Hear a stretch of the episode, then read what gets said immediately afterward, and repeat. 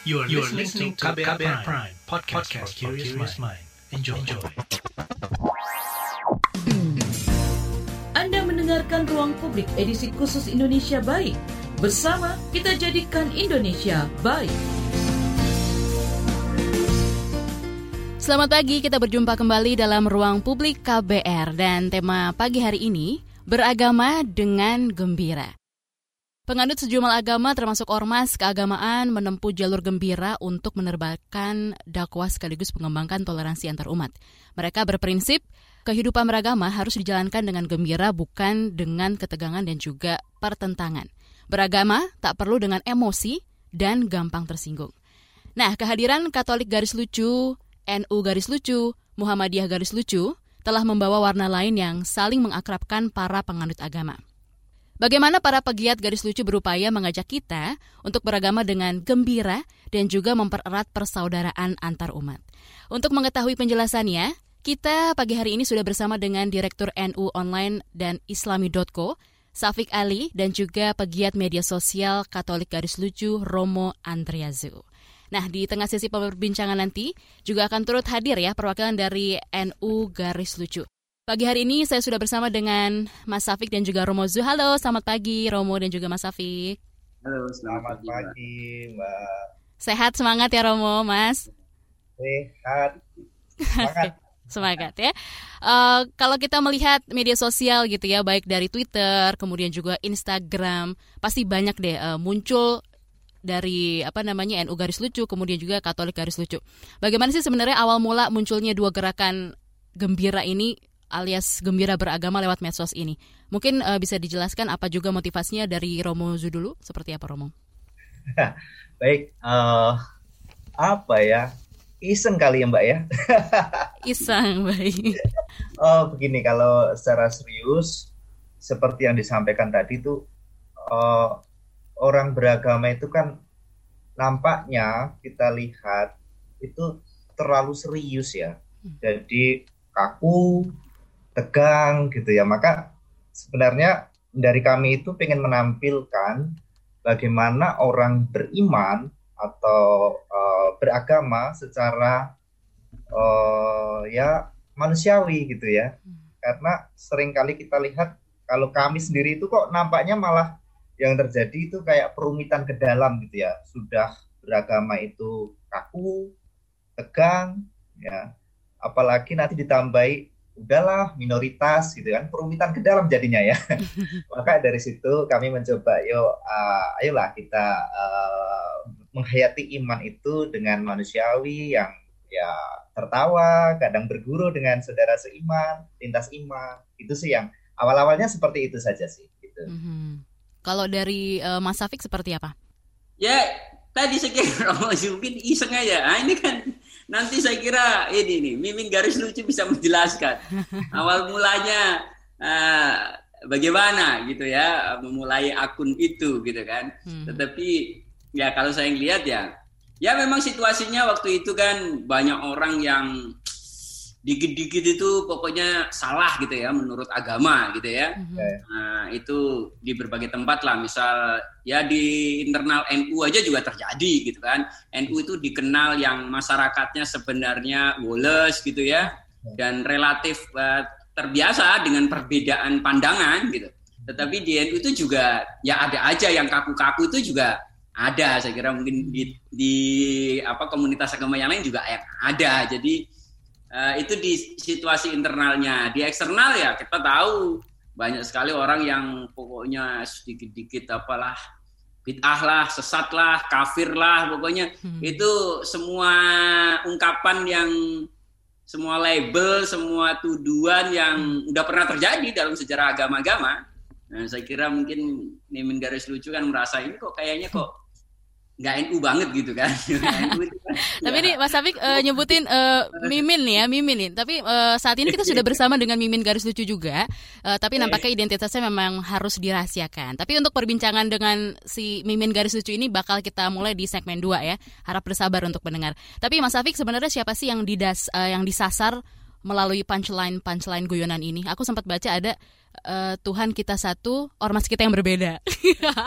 yang bisa jawab juga Mimin sendiri, bukan saya. Aduh, gimana nih Mas Afik?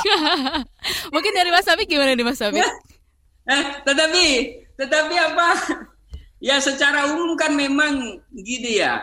Kita uh-huh. ini kita meyakini bahwa yeah. agama itu kebenarannya absolut, gitu ya karena dianggap tuh dari Tuhan, wahyu dari Tuhan. Dalam konteks Islam, Quran itu dianggap bahasanya, kata-katanya itu juga dari Tuhan, bukan ciptaan manusia gitu, walaupun hmm. dia diturunkan dalam bahasa Arab. Sehingga karena itu menganggap semua itu uh, tuntunan, ajaran dari Tuhan, kan kemudian kita umat beragama menganggapnya itu mutlak, gitu kan. Hmm. Nah, kemudian uh, hasrat atas kemutlakan ini, keyakinan atas kemutlakan ini itu diterapkan di mana aja sehingga nggak bisa gitu melihat orang lain yang berbeda pandangan dengan apa yang dia yakini sebagai mutlak. Padahal keyakinan yang dia anggap mutlak itu sebenarnya juga berangkat dari tafsir kan, yep.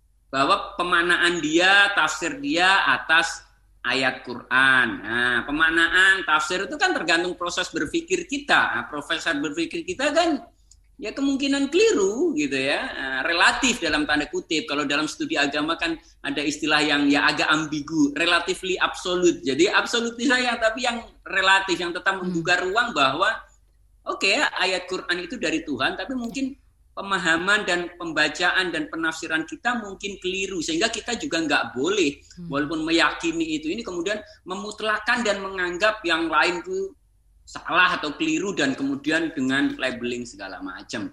Saya kira ada situasi-situasi seperti itu yang yang waktu itu marah ya, baik di dalam di, dalam konteks dalam negeri, dalam konteks internasional waktu itu ada uh, ISIS ya, ada Al Qaeda, ada uh, apa? Uh, uh, Salafi internasional yang memang masif, yang dikit-dikit pokoknya liru gitu kan. Jadi kayak kebenaran tunggal. Saya kira ada ada situasi seperti itu. Hmm. Nah, ya, jadi ya menyadarkan lah. Saya kira nanti Mimin bisa menjelaskan kalau terkait poin per poin yang paling-paling sering disentil gitu kan. Baik. Ya orang beragama kan harus terus membuka diri bahwa kita mungkin keliru gitu loh. Bahwa pemanaan kita, pemahaman kita mungkin keliru. Jadi saya kira sentilan-sentilannya itu ya perlu sebagai otokritik gitu. Hmm. Tapi uh, kita coba tanya ke Robozu ya, uh, Mas Afik juga ya. Setiap guyonan itu kan pasti adalah yang tersinggung gitu ya Romo. Dampak ketersinggungan terbesar apa yang mungkin pernah dirasakan oleh teman-teman Katolik garis lucu, khususnya dari umat Katolik dan gimana Romo mengatasinya? Uh, Mas Sabik udah tertawa itu ya. yang pasti kalau kita guyonan menyangkut perilaku jemaat itu sih santai ya, tapi harus uh, kami akui paling besar itu ketika bersinggungan dengan ya bagian iman dogma gitu ya. Itu sangat berat karena kami pernah uh, diintimidasi pernah teror gitu ya. Karena memang uh, tayang tayangan kami itu dianggap uh, terlalu berlebihan gitu. Nah apa usaha kami selanjutnya?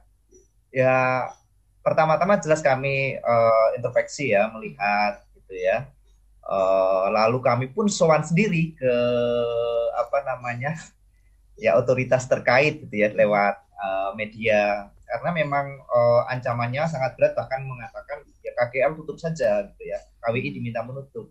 Tapi KWI emang KWI punya tidak kurang kerjaan apa yang ngurusi KGL gitu ya. Hmm. jadi yang kemarin sempat rame. Tapi memang biasanya ramenya adalah ketika berkaitan dengan uh, rumusan iman atau terkait dogma gitu ya. Hmm. Apakah ini enggak keterlaluan gitu ya? Lalu bagaimana cara kami mengatasi? Ya sudah kami uh, bahkan sempat men-take down, menurunkan itu. Lalu juga uh, jelas kami datang kepada para otoritas terkait dan oke okay, enggak sekarang masih masih oke, okay, masih melucu. gitu. Hmm. Baik. Kalau uh, Mas Safik pernah nggak eh, Anda melihat bahwa masyarakat di Indonesia gitu khususnya dalam beragama penuh ketegangan? Kalaupun ada contohnya seperti apa nih Mas Safik? Ya, saya kira uh, banyak walaupun tidak mewakili mayoritas ya. Hmm. Nah, kita melihat misal di sosmed itu kan banyak ya. sekali ya, mulai kalau yang dengan isu-isu lama terkait internal NU itu kan uh, soal tahlil nggak ada dalilnya, peringatan Maulid Nabi nggak ada dalilnya, nah, kayak gitu-gitu. Nah, belum lagi orang yang komentari, uh, misal orang foto di komentari Mbak, Mbaknya Muslim ya, kok nggak pakai jilbab, nah kayak gitu-gitu kan. Nanti Mas, udah pakai jilbab itu mungkin karena netizen itu maha benar kali. okay. Banyak sekali, yeah. saya kira banyak sekali. Apalagi zaman ISIS masih ada, dia keperpihakan ya, yeah. HTI masih ada, itu kan nah, sangat serius sekali karena semua menganggap membawa ideologi Islam.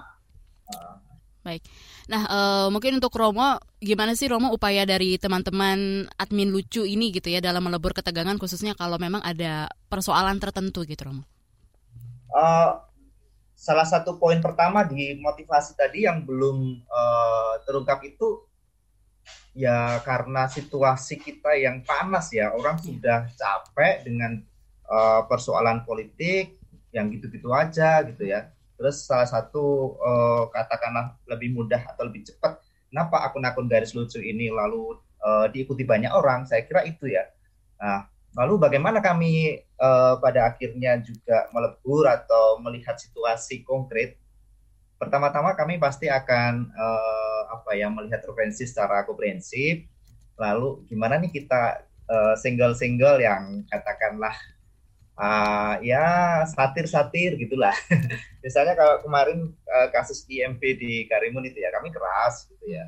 Uh, atau persoalan-persoalan terkait polarisasi setelah pilpres itu kan berat ya meskipun kadang-kadang kami dilihat sebenarnya ini condong ke mana sih gitu ya padahal kami sama sekali tidak tidak apa namanya berpihak ke satu pihak gitu ya tapi kadang-kadang kami dilihat ini mau uh, motifnya ke mana sih gitu ya hmm. jadi kami itu pengen melihat pengen menunjukkan tidak hanya ada hitam dan putih ada alternatif lain itu itu yang uh, bisa uh, saya uh, jawab ya Baik, uh, Romozu dan Mas Safi kita tahan dulu sebentar. Ruang Publik KBR dengan tema beragama dengan gembira akan kembali. Tetaplah bersama kami. Masih Anda dengarkan Ruang Publik KBR. Commercial break. Commercial break. Suatu hari, virus berkumpul dan mulai kebingungan. Duh, Bingung mau nyari mangsa ke mana lagi ya? Iya nih, semua orang pada pakai masker. Aku ada ide. Kita nongkrong di rumah makan aja gimana? Ngeliatin orang-orang yang lengah nggak pakai masker?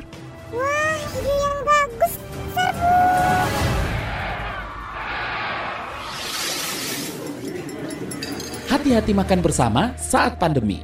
Sebaiknya pilih ruang terbuka, tetap jaga jarak kamu 1,5 meter jika duduk bersebelahan, 2 meter jika berhadapan. Batasi waktu makan bersama 30 menit saja dan jangan berbicara saat makan. Jika sudah selesai, gunakan kembali maskermu ya. Jangan sampai lengah, COVID masih ada. COVID masih ada. Pesan layanan masyarakat ini adalah kampanye bersama media lawan COVID-19. Anda mendengarkan Ruang Publik edisi khusus Indonesia Baik. Bersama kita jadikan Indonesia baik. Anda masih menyimak Ruang Publik Indonesia Baik KBR dengan tema beragama dengan gembira. Kita balik lagi masih bersama dengan Mas Safik dan juga Romo Zu.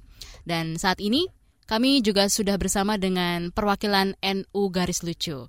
Namun ini uh, karena menjaga kerahasiaan, jadi kita tidak menampilkan gambar dan hanya menampilkan suara Mimin ya, NU ya, Garis Lucu saja. Ya takut nggak ganteng aja mbak.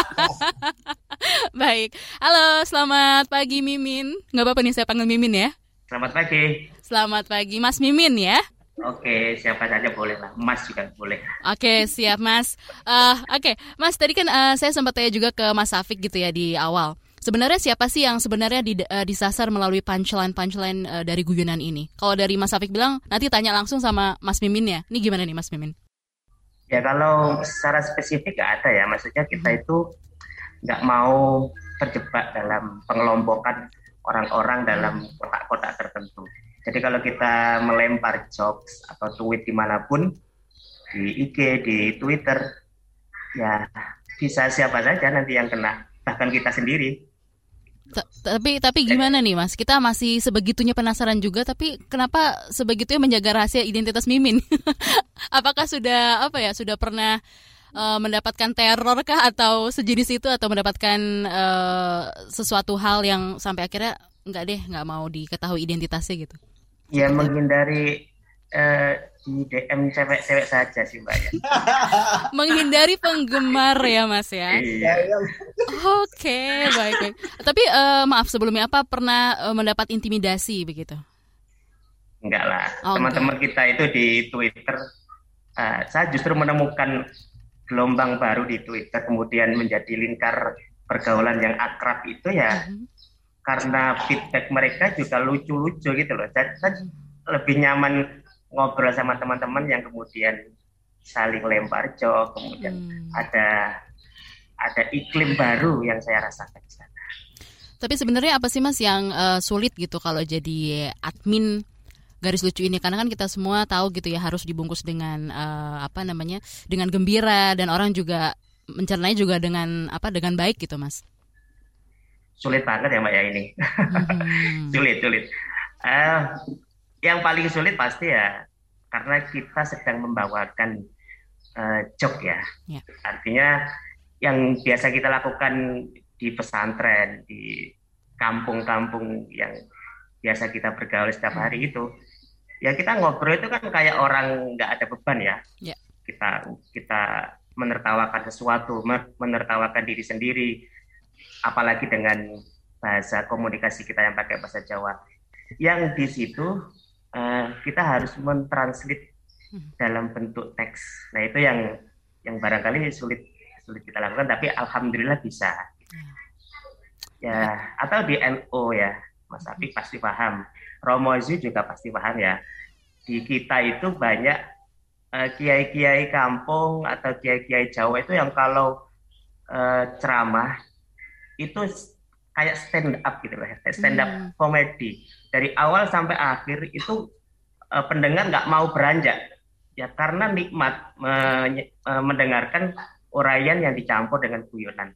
Nah itu kan uh, saya saya dulu pernah berangan-angan bagaimana ya uh, suasana ini hadir di Twitter. Nah pada akhirnya kita mentranslate yang verbal tersebut menjadi teks. Nah itu yang barangkali ada sedikit apa ya sedikit usaha yang alhamdulillah bisa lah sedikit demi sedikit. Baik. Dan uh, tentunya kan uh, banyak banget ya quotes dari uh, dulu gitu dari dari dari apa namanya? Dari Gus Dur gitu kan yang memang sempat dikutip hmm. juga. Nah, itu seperti apa ya. uh, Mas Mimin ini mengelolanya? Gus Dur itu kan gudangnya humor ya. ya. Kita itu kadang uh, memahami Gus Dur itu kalau hanya terbatas pada konteks tertentu ya uh, guyonnya hanya hanya hadir di waktu itu. Tapi pada dasarnya guyon Gus Dur itu ya uh, kayak hmm. shot, uh, setiap saat bisa dinikmati.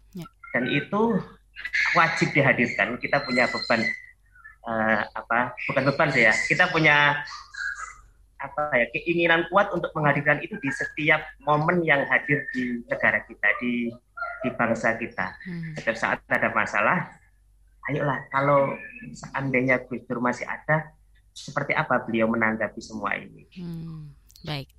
Uh, kita coba uh, ke Romo Zu lagi ya. Romo Zu, sebenarnya apa apakah kelucuan ini hanya muncul lewat media sosial saja? Karena kalau kita lihat kan banyak banget ya pimpinan agama atau juga kiai dari NU yang lucu gitu dan seneng guyonan. Bagaimana di Katolik sendiri dalam peribadatan? Apakah guyonan ini juga sering diselipkan, Romo? Uh, pertanyaan berat, Mbak. Karena kadang-kadang itu kan orang Katolik kalau ditanya gimana peribadatannya paling tidak kreatif gitu ya. Jadi kadang orang mengatakan dari berangkat sampai terakhir itu eh. mereka sambil ngantuk-ngantuk itu hafal. Pada saat misa ya Romo ya. Ya, kapan duduk, kapan berdiri, mhm. kapan. ya Romo bisa yuk, bisa. bisa lah kayak NU nanti. uh, tapi hmm. tapi menurut saya sebenarnya uh, kalau dilihat kaku gitu ya saklek gitu ya. Tapi sebenarnya enggak. Kami itu ya ya sering guyonan gitu ya. Jadi saya aja menulis misalnya Bapak Suci itu tulisan-tulisannya Bapak Suci Franciscus ya. Semua mengandung kata-kata kegembiraan ya. Evangelii Gaudium misalnya Gaudium kegembiraan. Amoris Laetitia Laetitia Veritatis Gaudium. Semua ngomong soal kegembiraan. Santo Santa itu banyak juga yang mempunyai sense humor tinggi misalnya Laurentius ketika uh, dipanggang itu ya dia mengatakan tolong dong dibalik karena uh, ini kayaknya yang sebelah sini masih uh, belum kering. Belum gitu well ya. done gitu ya Romo. Uh, atau katakanlah uh, Thomas More mengatakan apa sih dia ketika mau dipenggal ngomong tolong dong singkirin jenggotku ini karena dia nggak bersalah kasihan gitu ya. Dan saya kira banyak sekali juga imam-imam yang ya guyonan ketika berkhotbah gitu ya. Banyak sekali contohnya. Hmm. Saya pernah lembak apa namanya ketika misa pelajar. Hmm. Terus nggak tahu kenapa uh, hujan-hujan gitu saya lepas mantel itu ada anak uh, kelas nggak tahu pokoknya SMA mengatakan dap dipakai dulu itu kaos kakinya dipikir saya anak SMA gitu ya Oi.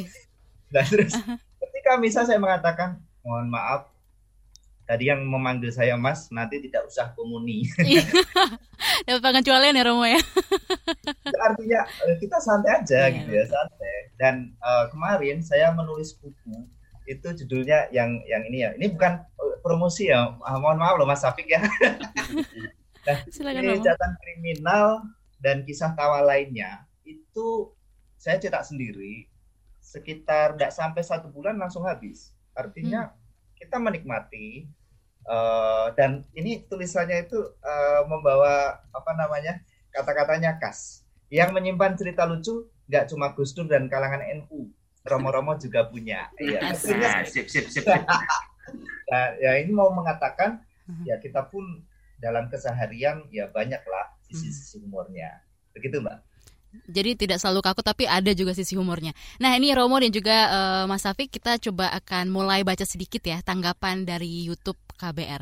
Yang pertama ada dari siapa dulu nih? Dari Dani Setiawan.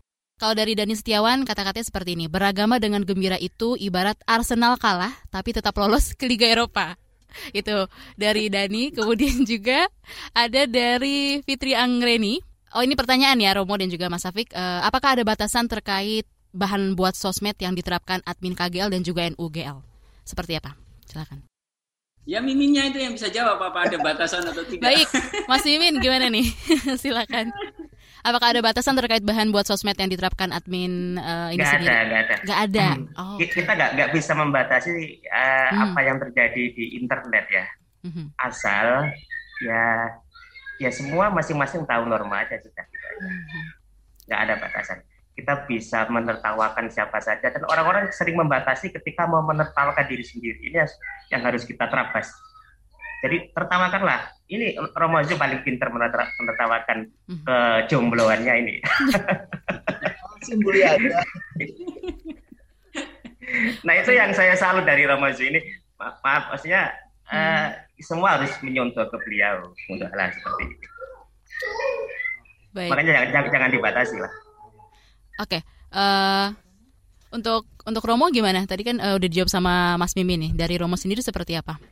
kalau di eh, postingan admin garis lucu ya biasanya kami akan menimbang-nimbang gitu ya apakah ini masuk dalam wilayah-wilayah ngeri gitu ya karena tadi saya sempat menyampaikan kalau soal guyonan perilaku jemaat itu sampai gitu ya misalnya Romo idaman adalah yang muda, energik, ganteng, misalnya cepat gitu ya. Tapi kalau pengakuan dosa yang tua, pendengarannya kurang, itu mereka suka gitu ya. Tapi kalau kasih meme soal Yesus Kristus yang katakanlah hmm, agak gimana gitu rame, maka kami sering kali ya eh, di mereka ya teman-teman admin ya, saya bukan adminnya, itu biasanya mereka akan saling eh, ya memberi masukan gitu ya, yaitu screening awal di eh, teman-teman admin sendiri. Gitu ya, sense imannya itu yang kadang-kadang kita harus punya kepekaan di situ. Kita akan lanjutkan kembali perbincangan kita di pagi hari ini. Usai jeda. Masih Anda dengarkan Ruang Publik KBR. Mendengarkan Ruang Publik edisi khusus Indonesia Baik. Bersama kita jadikan Indonesia baik. Dan sudah banyak sekali yang uh, berpartisipasi di YouTube Berita KBR. Salah satunya akan kami bacakan juga ya. Ini ada dari yang yang selanjutnya adalah dari Aris Tarkus. Harusnya topik yang seperti ini sering-sering didengungkan supaya agama ini bisa membuat semakin rukun, semakin saling berbagi, dan saling mengasihi, dan agama jangan jadi eksklusif. Pernah nggak, ini sekalian pertanyaan juga ya, pernah tidak NU garis lucu dan Katolik ini bertemu dan berdebat kelucuan? Oke, mungkin bisa ditanggapi dulu dari Romo, silakan Romo. Mimin dulu aja mbak. Baik, dilempar ke Mimin garis lucu, silakan. Yang mana ini? Kalau ketemu, mm -hmm secara langsung jelas nggak pernah kan ya kan ya memang nggak pernah ya. ada mm-hmm. momen untuk ketemunya tapi kalau di DM kita ngobrol mm-hmm. kemudian saling lempar job atau gojlokan ya biasa mm. juga dengan GL GL yang lain ya kan kita punya grup jagat GL itu mm-hmm. dengan Hindu dengan Buddha dengan Konghucu ya biasalah kayak teman gitu aja semuanya ngobrol guyonan di sana Sempat ada yang posesif nggak sama Mimin sampai minta aja ketemuan? Yeay. Iya nggak tahu ini uh, saking banyaknya ya barangkali saya nggak tahu akhirnya yang ser yang serius siapa yang guyonan siapa ini. baik baik baik. Oke, okay, uh, eh, mungkin kita bisa coba tanya tadi. Uh, pasang aja deh. Iya, Romo tadi melemparkan ke Mimin gitu ya. Kalau dari Mas Afik sendiri seperti apa? Yang tadi sempat ditanyakan juga. Kalau ngobrol ya saya kenal lah sebagian. Ini nggak pernah ketemu. Jadi maksudnya saya kira ya saya menangkap semangat yang sama lah ya.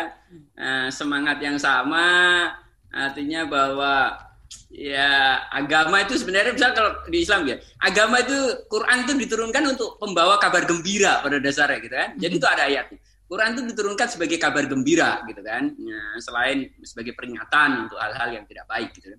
Uh, tetapi uh, kok tren dunia itu kemarin-kemarin gitu ya, tren dunia 10 tahun yang lalu dari 2010 11 sampai uh, ke sini itu kan agama ini kok kayaknya uh, kok nggak nggak apa nggak membawa kegembiraan gitu loh di ruang publiknya gitu ya. Di ruang publiknya karena para pemeluknya itu yang ada jadi kayak eh, mesin-mesin uh, yang judgmental gitu kayak hakim yang nah jadi saya kira saya menangkap bahwa teman-teman ini punya semangat itu.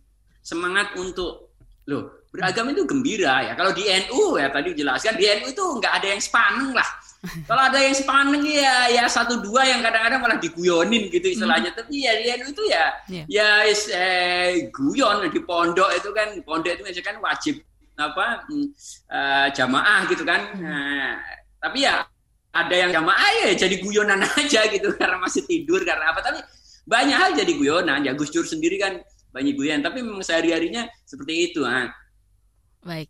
Ini terhadap... di ruang publik uh -huh. itu kok nggak seperti itu gitu loh kemarin-kemarin. Hmm. Saya, saya menangkap saya kira dari teman-teman mau mimin garis lucu, Katolik garis lucu, saya kira ada ada ada kegelisahan ya nah, membuat itu semua ya bentuk respon untuk mencairkan lagi lah. Jangan sampai ya di di di dunia lain sana itu agama kan persepsinya kan yeah. sudah apa ya? Hmm, kurang bagus gitu apalagi di negara-negara terutama negara-negara yang sekular gitu kan. Hmm. Nah, jadi di kita ini kan yang memang Indonesia masyarakatnya tuh dalam tanda kutip religius ya berdasar survei Pew Research kan 94% orang Indonesia itu menganggap agama penting. Nah, artinya ya religius lah dalam tanda kutip ya dalam artian yang umum gitu ya. Hmm. Nah, dalam masyarakat yang religius ini ya akan repot kalau kita ini nggak bisa bergembira itu dalam agama kalau agama itu selalu tercermin dalam ungkapan-ungkapan yang kaku, yang saklek, yang judgmental, yang benar sendiri kan repot juga. Saya kira teman-teman ada semangat itu yang saya tangkap ya untuk untuk agar kita tidak terlalu jauh lagi ke sana. Dan ya alhamdulillah sekarang saya kira Nah, lebih lucu ya. Sekarang kan ya garis lucunya nggak cuma NU aja kan. Sekarang udah Katolik garis lucu, Muhammadiyah garis lucu, Buddha ini semua artinya ini ini kayak kayak ini kan melahirkan sebuah uh, inisiatif atau gerakan baru dan dampaknya saya kira uh, besar ya, dampaknya besar. Nah, di NU sendiri ya walaupun udah biasa dengan kelucuan gitu, tapi dengan hadirnya uh, akun garis lucu itu ya sering jadi omongan dan bikin ketawa lah ya karena ya pokoknya menjaga kerja kecerdasannya perlu. Makanya kadang-kadang ya. kalau admin garis, Katolik garis lucu kan kadang-kadang responnya kurang lucu. Wah, ini harus mondok dulu biar lucu nih. baik, baik Robo dan juga Mas Taufik ini sudah ada yang bergabung di line telepon kita dari Majalengka. Ada Aldi. Halo, selamat pagi Mas Aldi silakan. Selamat pagi Mbak. Ya, gimana Mas Aldi? Oh, wah, bagus sekali ini temanya. Gini ya, kalau uh, menurut uh, menurut saya ya, khususnya buat anak-anak muda yang umurnya 20 hmm. atau masih belasan, seakan-akan kalau kita ini misalkan diejek, misalkan diejek, kamu kok uh, pakai peci kayak ustaz aja.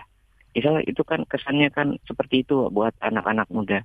Terus satu juga, kalau misalkan uh, di pesantren itu di pesantren itu kan uh, bedanya, bedanya di pesantren sama hal yang umum. Itu memang benar apa yang dikatakan sama bapak tadi memang benar.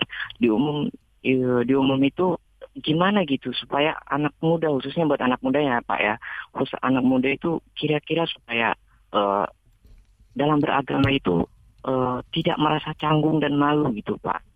Dan kalau misalkan di pesantren, di pesantren itu kan kita itu uh, misalkan, uh kita uh, tamat ini, jadi suatu kebanggaan. Nah, bagaimana gitu loh? suatu di supaya di tempat umum maksudnya di di umumnya nggak di pesantrennya itu jadi suatu kebanggaan kalau kita bisa ini kalau kita bisa ini gitu terima kasih pak assalamualaikum Ya, terima kasih untuk Mas Aldian di Majalengka. Mungkin bisa ditanggapi oleh Mas Safik. Silakan Mas Safik. Ya, ya memang ya iklim kan mempengaruhi ya, misal di umum atau di pesantren ya. Mm-hmm. Eh, makanya sering ada ungkapan ya justru kalau orang itu sudah berilmu gitu kan, dia kan lebih santai ya. Orang kalau benar-benar berilmu lebih santai. Anggap aja misal eh, kiai-kiai NU yang alim-alim itu kan ya nggak pernah reaksioner ya nggak pernah yang apa di NU misal ya di NU tuh di pondok pesantren itu lingkungan kan banyak juga ya zaman saya kecil tuh yang ya kalau ada gawe itu misal ada ketopraan istilahnya ya kalau di Jawa ya. Ada ketopraan ada ada judi kopro itu. Saya nggak pernah dengar tuh dalam sejarah saya sebagai anak NU itu apa kiai itu terus apa ngomporin merintahin untuk menggeruduk judi kopro misalnya gitu kan. Karena apa? Uh, mereka uh, berilmu bukan hanya soal ilmu agama tapi juga mereka itu punya pemahaman sosiologi dan antropologi yang baik menurut saya. Mereka punya tujuan mendakwahkan ajaran-ajaran agama yang dalam konteks Islam yang harus bil hikmati wal muidatil hasanati dengan cara yang baik, yang bijak, yang ini gitu ya. Mereka tahu bahwa mereka mengemban misi itu dan mereka mencari cara yang baik, bukan berarti mereka permisif gitu. Jadi uh, walaupun di lingkungan pesantren atau kiai-kiai gitu uh, ada banyak hal-hal yang mungkin ya kita pandang melanggar agama tapi tidak lantas reaksinya itu seperti ya zaman-zaman belakangan. Nah, kemudian terkait perbedaan pendapat ya. Kiai-kiai yang alim ya tahu memang di Islam itu perbedaan pandangan biasa. Anggap aja lah sekarang yang sering ramai soal anjing. Hmm. Nah, kayak gitu. Ya di Islam ada cukup banyak hadis yang uh, apa menekankan untuk tidak piara anjing karena kita dominan Syafi'iyah. Tetapi kiai-kiai itu juga nggak ada yang dari zaman dulu gitu, walaupun mereka mungkin juga agak geli kalau sama anjing karena secara kultural nggak biasa gitu ya, secara kultural nggak terbiasa. Tetapi nggak ada yang ibaratnya melakukan semacam kampanye kebencian terhadap anjing karena memahami oh menurut Malikiyah anjing itu tidak najis gitu di Maroko di sana orang bisa gendong anjing habis itu ke masjid nah gitu. Karena kiai kiai tahu bahwa soal itu ada perbedaan pandangan. Walaupun saya mengikuti pandangan yang ini tetapi menghormati pandangan yang lain. Nah eh, pengetahuan eh, kedalaman pengetahuan itu yang membuat orang jadi woles. Nah kalau di lingkungan yang mungkin memang tidak benar-benar belajar keilmuan agama atau yang lebih umum yang apa ngertinya kan baru sedikit. Hmm. Nah, dianggap agama itu ya tunggal, pandangan terhadap satu hal itu satu. Padahal di Islam ya banyak sekali. Kita melihat orang sholat aja ada yang nah, kalau apa nah, jarinya di puter-puterin ada yang kunut ada yang nggak kunut uh, apa uh, taraweh NU Muhammadiyah aja beda ya soal anjing. Ada banyak sekali yang yang pada dasarnya uh, perbedaan. Tetapi kan kalau yang belum belajar kan dianggap oh cuma satu. Uh, gitu loh. Hukum itu cuma satu. Uh, Nah, jadi itu yang membuat saklek sehingga ya menjadi ya satu sisi memang ada obsesi untuk uh, menjalankan agama secara benar gitu, tetapi juga satu sisi karena tidak memahami bahwa dalam beberapa hal pandangan keagamaan terkait itu juga tidak tunggal. Nah, itu yang membuat orang jadi jadi saklek. Menurut soal jilbab sampai sekarang ya uh, rame banget padahal ya. Dalam kok itu pandangan yang udah dari zaman dulu. Para kiai-kiai itu ya udah membahasnya dari zaman dulu. Soal jilbab udah paham pandangan yang ulama-ulama itu gimana tafsir atas ayat Quran terkait jilbab itu gimana. Dan secara kultural juga di Indonesia ya perempuan zaman itu yang pakai kerudung. Yang kuliah di IAIN aja tahun-tahun itu itu ya banyak yang nggak berkerudung gitu. Uh, banyak yang apalagi jilbab hari ini. Jilbab hari ini itu kan jilbab baru ya. Ya dulu ya kerudung yang kekinian ya mas ya. lepas dibalikin lagi lepas dibalikin lagi. Hampir semua ya. istri tokoh-tokoh agama zaman dulu di situ. Jadi bahwa hmm. penafsiran jilbab itu gimana? Nah, itu aja udah. Nah, tapi sekarang kan karena ngertinya jilbab wajib ini ini nah kemudian yang nggak jilbab dianggap uh, melanggar perintah agama hmm. dan berarti melakukan dosa setiap hari dan berarti nanti masuk neraka gitu. Jadi itu dampak lah yang memang hmm. saya kira ya caranya ya kita mengikuti orang-orang alim walaupun kita tetap uh, apa ya punya kesadaran bahkan di kalangan para alim itu juga ada perbedaan pandangan ya tidak di semua hal tapi di di sejumlah hal ada perbedaan pandangan. Baik, terima kasih Mas Afik. Uh, mungkin kalau untuk ke Romo nih ada ada pertanyaan juga dari Citra. Untuk isu yang sensitif, apakah ada obrolan di balik layar dulu gitu di antara sesama admin garis lucu? Contohnya isu sensitif misalnya LGBTIQ yang uh, atau saat ada kasus kekerasan gitu, Romo. Gimana, Romo?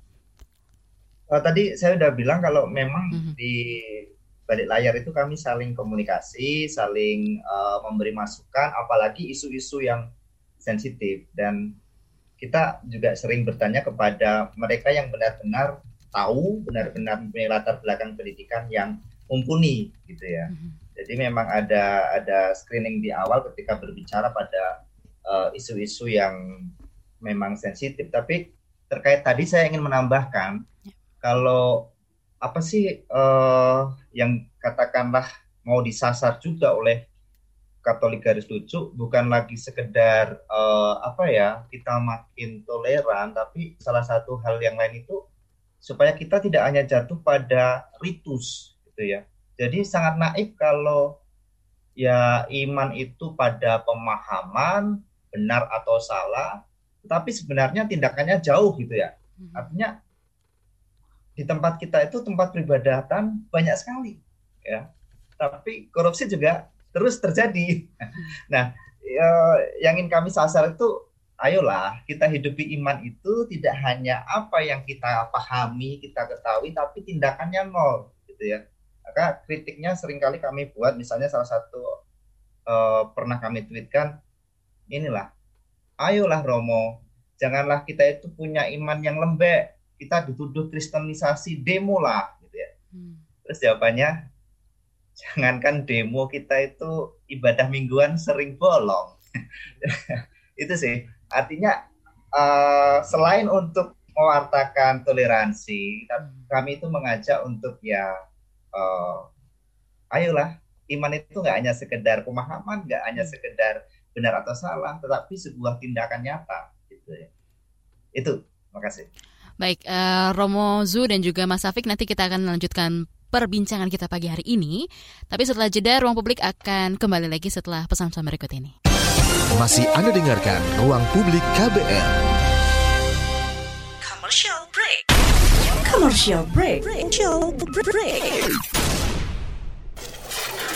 Ita Biliana, psikolog dari Lembaga Psikologi Terapan UI, memberi pesan kepada teman-teman Broken Home untuk meraih masa depan yang terbaik. Terlepas bagaimana kondisi rumahmu, bukan kondisi orang tuamu, itu ya kamu adalah individu sendiri yang punya hak dan punya kemampuan untuk menentukan nanti ke depannya mau gimana gitu. Jadi apa yang terjadi di belakang kamu tuh it doesn't define who you are atau yes. who will you be gitu aja, who you will be. Simak obrolan selengkapnya dalam podcast Disco Diskusi Psikologi dalam episode Masa Depan Anak Broken Home di kbrprime.id dan platform mendengar podcast lainnya. Mendengarkan Ruang Publik edisi khusus Indonesia Baik.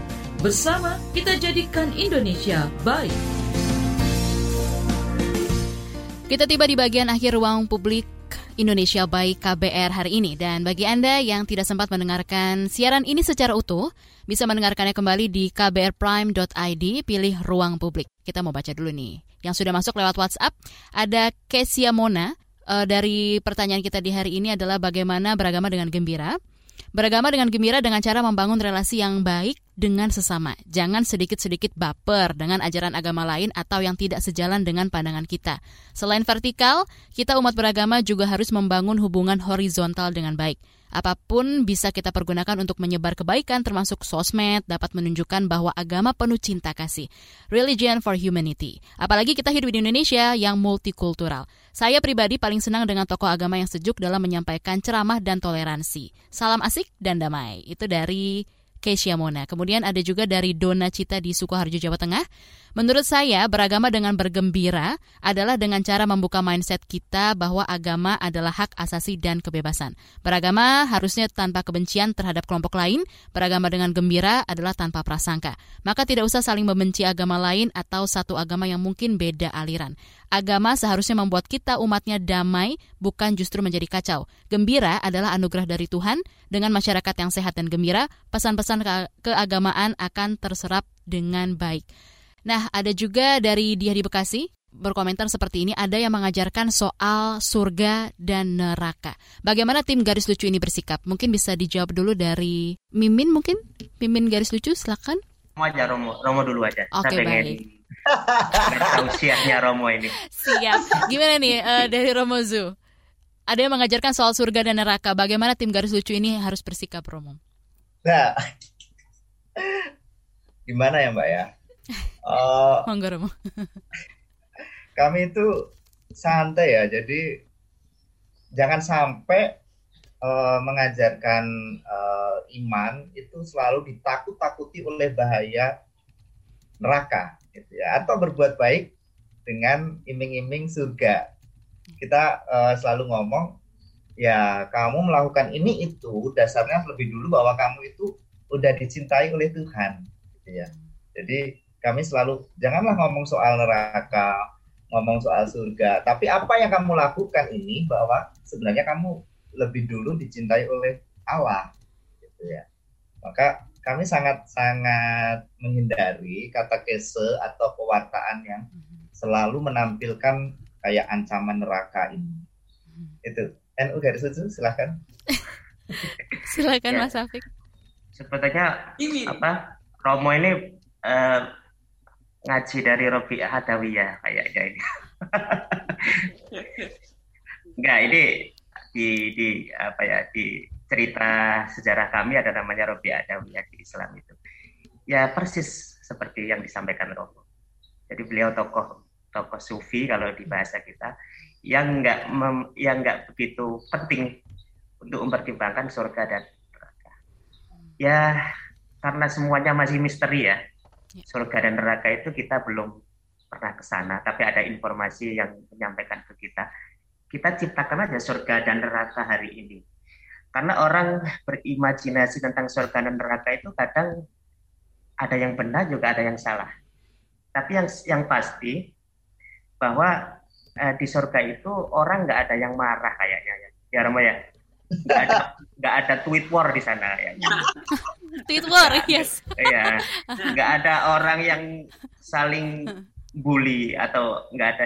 Itulah surga dan kita latihan aja dari sekarang. Hmm. Kayaknya kita ini calon penduduk surga kok.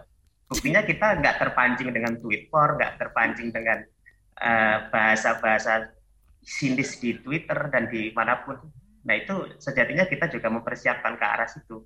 Baik. Seperti itu. Nah, ini uh, ada masing-masing waktu satu menit untuk Romozu dan juga Mas Safik ya. Silakan untuk uh, kasih quote terlucu yang berkaitan dengan keberagaman dan toleransi. Waktu dan tempat saya persilakan. Silakan mungkin dari Romo dulu. Apa ini Mbak ya? Pantun atau apa ya? Uh, bebas Romo. Pokoknya quote terlucu yang berkaitan lah dengan keberagaman dan toleransi. Silakan. Aduh, takut nggak lucu, Mbak.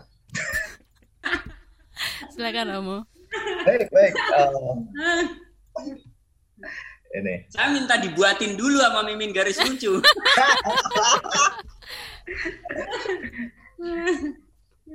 eh dulu ya. Ya. Ada siang, ada malam. Ayo kita jaga toleransi. Baik. Cakep. Cakep. Oke. Okay.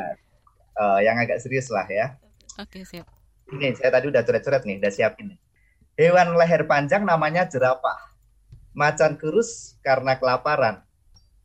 Makin rajin ibadah, makin mengasihi sesama dalam perbedaan. Cakep. Boleh nih. Kemudian uh, dari Mas Afik, gimana Mas Afik? Ya, kalau saya sih, ya kita semua ini tadi ada yang nanya kan surga neraka gitu kan. Jadi hmm. saya yakin lah kita semua ini bakal masuk surga. Karena apa? Uh-huh. Saya lihat itu kalau orang yang meninggal itu nggak ada yang balik lagi ke dunia, artinya dia betah. kalau di neraka dia dia balik lagi.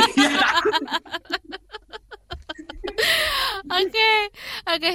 Kemudian dari kita juga minta dari uh, Mas Mimin garis lucu, silakan Mas. Apa ini ya? Ah, saya sih uh, pengen pengen nyentil beberapa orang di sini. Wah. Nice. Oke oke. Tolong jelaskan siapa ya? Ya enggak, jangan nanti uh, orangnya nggak enak nanti sama saya. Jadi ada ada tokoh bangsa kita yang kemarin sempat sempat ngomong di di media entah di mana itu ya. Saya sempat baca uh, beliau bilang bahwa hari ini negara kita itu dibelah menjadi dua gitu ya. Jadi ada, dua kelompok besar yang karena kebijakan-kebijakan tertentu dari penguasa yang kemudian membelah rakyat kita menjadi dua. Nah, saya ingin uh, beliau dan juga teman-teman semua ini, ayolah follow semua akun yang ada di Twitter yang di belakangnya ada GL-nya. Nah itu insya Allah nanti akan ketahuan di sana bahwa di jagat GL itu nggak ada yang terbelah, semuanya gumbul sarang-sarang, semuanya ngopi bareng di sana. Nah ini mungkin karena beliau tidak tidak pernah main ke Twitter yang kebetulan kita ada di sana. Nah, terima kasih. Karena, Jadi karena jiwanya tidak lucu. Iya. Semuanya kita kita ajak gabung lah nanti ke uh, jagat garis lucu ini. Tapi saya Nggak ada yang terbelah di sana. Gimana. Romo? Gimana, Romo? Baik. Romo nggak berani. Oke, okay. baik ini sayang sekali waktu kita sudah uh, sudah habis ya uh, Romo, kemudian juga Mas Safik dan juga uh, Mimin dan semua pendengar. Terima kasih banyak untuk Romo Zu dan juga Mas Safik untuk Mimin Garis Lucu juga sudah menyempatkan waktunya untuk berbagi bersama kami di sini. Dan mohon maaf juga untuk semua chat yang tidak bisa kami bacakan satu persatu. Demikian Ruang Publik Indonesia baik KBR dengan tema beragama dengan gembira. Terima kasih juga sekali lagi untuk uh, kedua narasumber yaitu Mas Safik dan juga Romozu yang sudah berkenan berbincang-bincang di ruang publik KBR dan juga tidak lupa untuk mimin garis lucunya ya. Terima kasih untuk Anda pendengar yang sudah menyimak ruang publik KBR hari ini. Saya Naomi Liandra, undur diri. Salam. Baru saja Anda dengarkan Ruang Publik KBR. KBR Prime, cara asik mendengar berita. KBR Prime, podcast for curious mind.